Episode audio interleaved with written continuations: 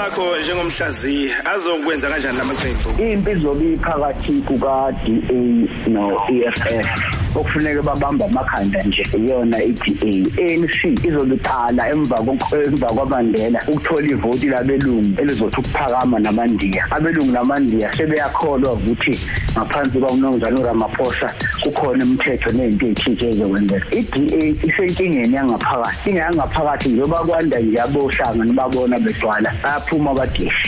Iqembu engicabanga ukuthi lizokhula kulawa eh, abadeshi kuzoba i-freedom fund ngoba amabhunu kulokhu ahlangene ngaphansi kwento eyodwa yokuvikela umhlaba. Elinye iqembu okufuneka silibheke eh, inkathi freedom party Mthatha nonombele ukhosi FM uhamba phambili Umsakazo hamba phambili ukhosi FM ngalesikhathi imzuzu isishumi nathathu nesigamu ngaphambi kwehora lesishiyagalombili ukhosi FM isikhathi ke lesokuthi sethamelekela eh, ingosi yethu ethi ke hlaziya ipolitiki ngolimi lwakho. Ukhona ke la mfoko noma Jalimane unhlanhla mfoko mtaka eh ongoti ke kweze politiki sikubekelele emnguni sikwamukele ukhosi FM abendlovu enamandla enhla nasezantsi siyabingelela.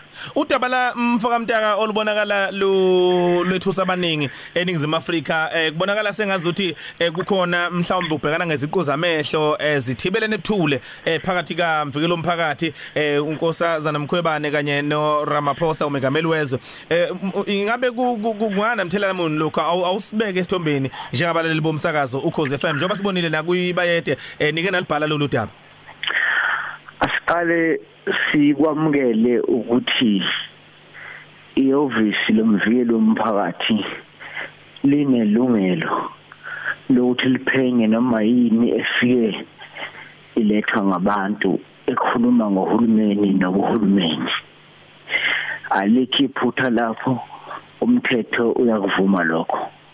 Ngakolunye uhlangothi umnumzane uRamaphosa njengendoda nje ngoba kayiswanga lapha njengomengameli wezwe. Kufanele sikulungise lokho.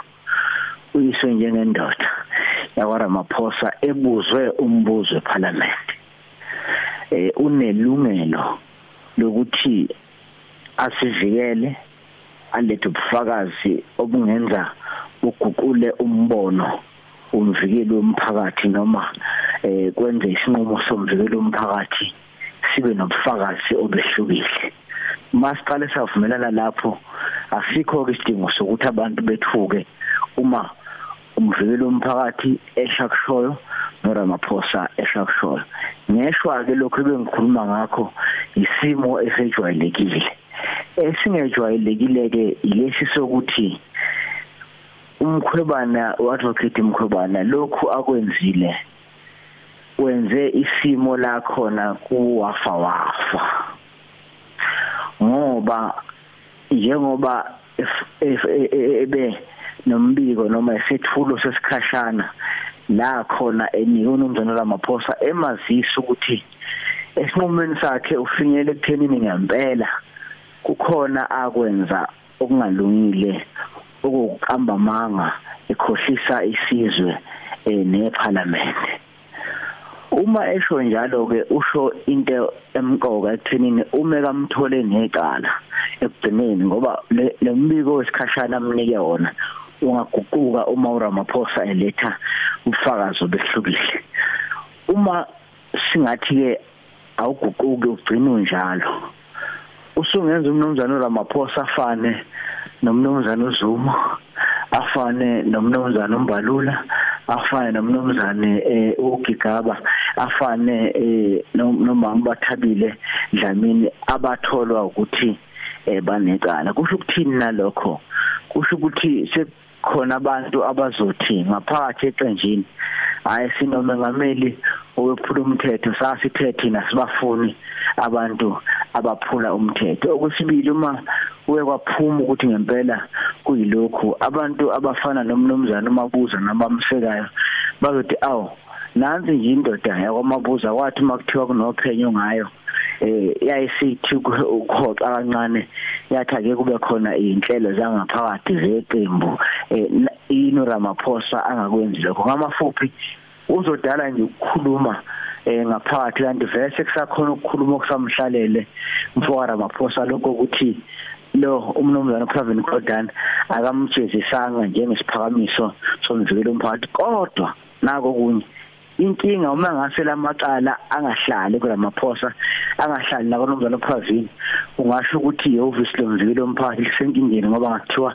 liphethwe umuntu owenza inqumo engaphusile. Ingakho umbono wami uthi owafa wafa noma ngabe ubani ophumelelayo khona ioffice noma khona umuntu ozoba sehlazweni phakathi kwabo babili Hmm. Kuyezwakala eh mfoka mtaka mhlawumbe ke uma ngabe ubheka isiphetho sendaba esifanele kungayisiphi? Isiphetho sendawo ukuthi sonke ake silibuke ngoba uRamaphosa njengoba ngishilo unelungelo eh angikale ngithi nje akekho phika ukuthi nayo Ramaphosa ngibutha ngaphika ukuthi wakhuluma ngeyikho wathatha ngamawala mhla ebuza umnumzane eomayimana wakhuluma ngeyikho eh wasephinde ebhala incwadi ke exolisa. Umbuzo ukuthi umvikelo umphakathi yini la iphenyayo uma indoda ikhuluma manga yavuma ngaphandle mithi ayikhulumanga manga ngoba sikwazi akusho uyena. Uma ethe cha ngakhuluma okwakukhona phambi kwami bakuvume lokho kuyofanele bamxolele. Kodwa uma kuvela ukuthi cha wakhuluma into eyazi ukuthi ayinjalo isibonelo.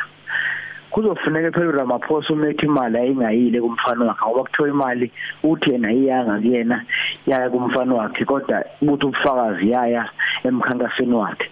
Inkinga kaRamaphosa izoba yodwa kulowo mbuso uma ibingayanga kumfana wakhe ihlale kubani? Yeah. Ngamafuphi uzofuneka veze isigebengu okuthiwa imali sinikwe yona eh uma engakuvezanga lokho usenjini isala nayo sekuseqamba mangamabili ewumengameli weqembu nomengameli wesho yiko ngithi mina akakuphikanga naye ukuthi ukhulume ngakhona kodwa wayeseqhamuka negama ke lomthetho elithi wayekhuluma ayekwazi ngaleso sikhathi. Mase kuqhamukeke uthi cha hayi akona lokho ayekwazi ngaso sikhathi kuningi okunye ayekwazi usenkingeni. Okwesibili umuntu wayemnika imali ngoba phela umuntu ayemnika imali ukhona akaphiki ukuthi wamnika imali. Yingakho umnumzane Ramaphosa ecela wavunyelwa futhi ukuthi ucela ukuphosa imibuzo lo owayemnika imali. Lo ayemnika imali ke uzosivezela ukuthi uma engayinikanga umnumzane Ramaphosa ubaba engayinikanga umnumzane Ramaphosa indodana ubani lo amnika imali? Uyena ke lo muntu engicabanga ukuthi abantu kufanele babheke ukuthi ubani ngoba ngiyasola ukuthi ngenzeka ukuthi umuntu esimazi sonke hmm. eh, uRamaphosa angafunanga ukumkhipha eh ngaleso sikhathi kodwa nasevusini lomzwelo omphakathi bakithi kuyafuneka sibe eh nobulungiswa lela office liphethwe abantu besifazana ababili abanamandla abanamava hmm. sekuyichilo lokho sesikwenza ukuthi uma lo eyokhona manje esenza izinto esicabanga ukuthi azivumelani nazo.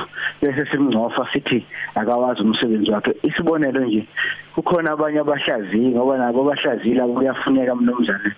Ngoba kuyeni batshene bakhiphe incwadi zokuthi uze kuthiwa umuntu uyahlaziya nje wayefundile. Umuntu akhulume yinto mm, mm. ungazi ukuthi it state akulona iphuthu ukuthi advocate Madonsela akazahlulwa amacala. Inkindlane amacala emhlula. Isibonelo nje lokugcina. Ubhale ngokuthi umnumzane ubheka icele wakufuneke eh, enziwe eh, ajeziswe ngodaba lwendlu yamaphoyisa lapha eh, ema-ofisi kwaZulu Natal hmm. inkantolo yafika yamchitha lokho kuningi amaqala echithwa eh um, inkantolo umvikelo umphakathi eseshile uadvocate Madonsela ngakho ke nalo uma kwenzeka into enjalo akungabe sekuthiwa ke kuyaqala ukwenzeka. Uvese umthetho uyakuvumela ukuthi uma inkantolo ibuka ngokwehlukile kufuneke kuhoqiswe lokho. Kodwa kungathi ngoba sekulo okungenzeka ukuthi ukukhuluma izinto esingayithandi noma uwelusa ukukhuluma kubantu esibathandayo bese sithi uyaqala ngakhe ukube bekunesikhathi nje bengizokunika uhlu lamacala uadvocate Madonsela alibhale kabi inkantolo yamtshela ulibhale kabi wavuma naye eh, kwadlula nalokho sazokwenzeka nomunye futhi ozayo uzokwenzeka okumqoka manje ukuthi asingaphambanisi ukukhuluma. Ukukhuluma la kungendoda ekuthiwa umnumzane Cyril Matamela Ramaphosa. Hayi umengameli wezwe ngamafuthi uma e- etholwe necala akuhlangene nokumengameli la kungena khona ubumengameli kuphela ukuthi yonke lenkulumo wayikhuluma eseParliament wakhuluma ongekhona athi yena wayengako wayengazi ukuthi akukhona. Sizozwa ke uma sebebhala nencwadi nalomunye sephendula ukuthi kwakuyikhona mangekho kodwa kumqoka ukuthi akasho lamadoda lawa amnika imali awasho ukuthi ayifake ebhanki nayo into ebalekile abantu ufuna bayina awasho athi hayi ibhangi alifaka kulela bhangi athi ayinika. Ngokusho kwawo ku agrees lapha eh, um- umphako wengqoko ukuthi babengayifaki ebhangi imali babefike bakunike nje kuyisithebe sakho kuthiwa nakho hamba ozofela umbuzo ukuthi isithebe sika Ramaphosa sivele ngakubani? Yiko ngithi nangoko umuntu okufuneke amaphepha amlandele ko ngoba Yep. siyazi ukuthi uRamaphosa uyikhulumele ubani wathatha ugqoko kwaba kwabusasa iloko kufanele sikubheke. Osesiloku kumanje kubhalwa into engekho kuthiwa si ngoba laba balokhu bekhuluma bafuna singakubuki lokho kanti kufanele phela sikubuke ukuthi awu Oh kukhona wayithatha ingqoko ngoba kufuneka landele ezinye wayithathathi ngoba Mm. lento yokuthatha kwengqoko noma uyithatha kugupta noma uyithatha kubusasa kufuneka ivalwe ngoba iyona nto ekhohlakalisa abaholi bethu eh, udaba lapho. Alukho kwenye indawo. Mfoko namajalman siyabonga kakhulu mnguni. Kuhlale kwintokozo ukukhuluma nawe mfethu nanokuthi usicije eh, ngolwazi singabaleli bokhozi siyabonga soqhubekana lolu daba eh, abalaleli bangasilandela kuloko ezokuxhumana ngoba okunye ubufakazi okungenzeka ukuthi kukhishwe Ramaphosa okunye okungenzeka ukuthi kukhishwe eh, eh, umkhobane sizozama ukufaka ngoba Yep. kumqoka ngisafisa ukugcizelela lokho ake sifunde ukufunda izethulo zalaba bantu ngoba sizobavikela noma sibajezisa kanti asazi batheni Yep. sifunde futhi nokuthi icala libekwe kumuntu lithini ngoba yonke lento ebhalwa lapha nguRamaphosa akulona icala libekwe lona lilodwa icala libekwe lona linye ulivumile i- ileli nje engishoyo ika ke bafundi nalabo ekuthiwa bayahlaziya ke basihlake sibahlonipha abantu ekuthiwa sibahlaziyele singabe phela sesihambe sikhuluma nje sivuke ekuseni sikhuluma into engekho ake sifunde nathi ngoba isikhona lento yokuthi umuntu avuke nje abuze umbuzo aphendule kanti kakufundanga.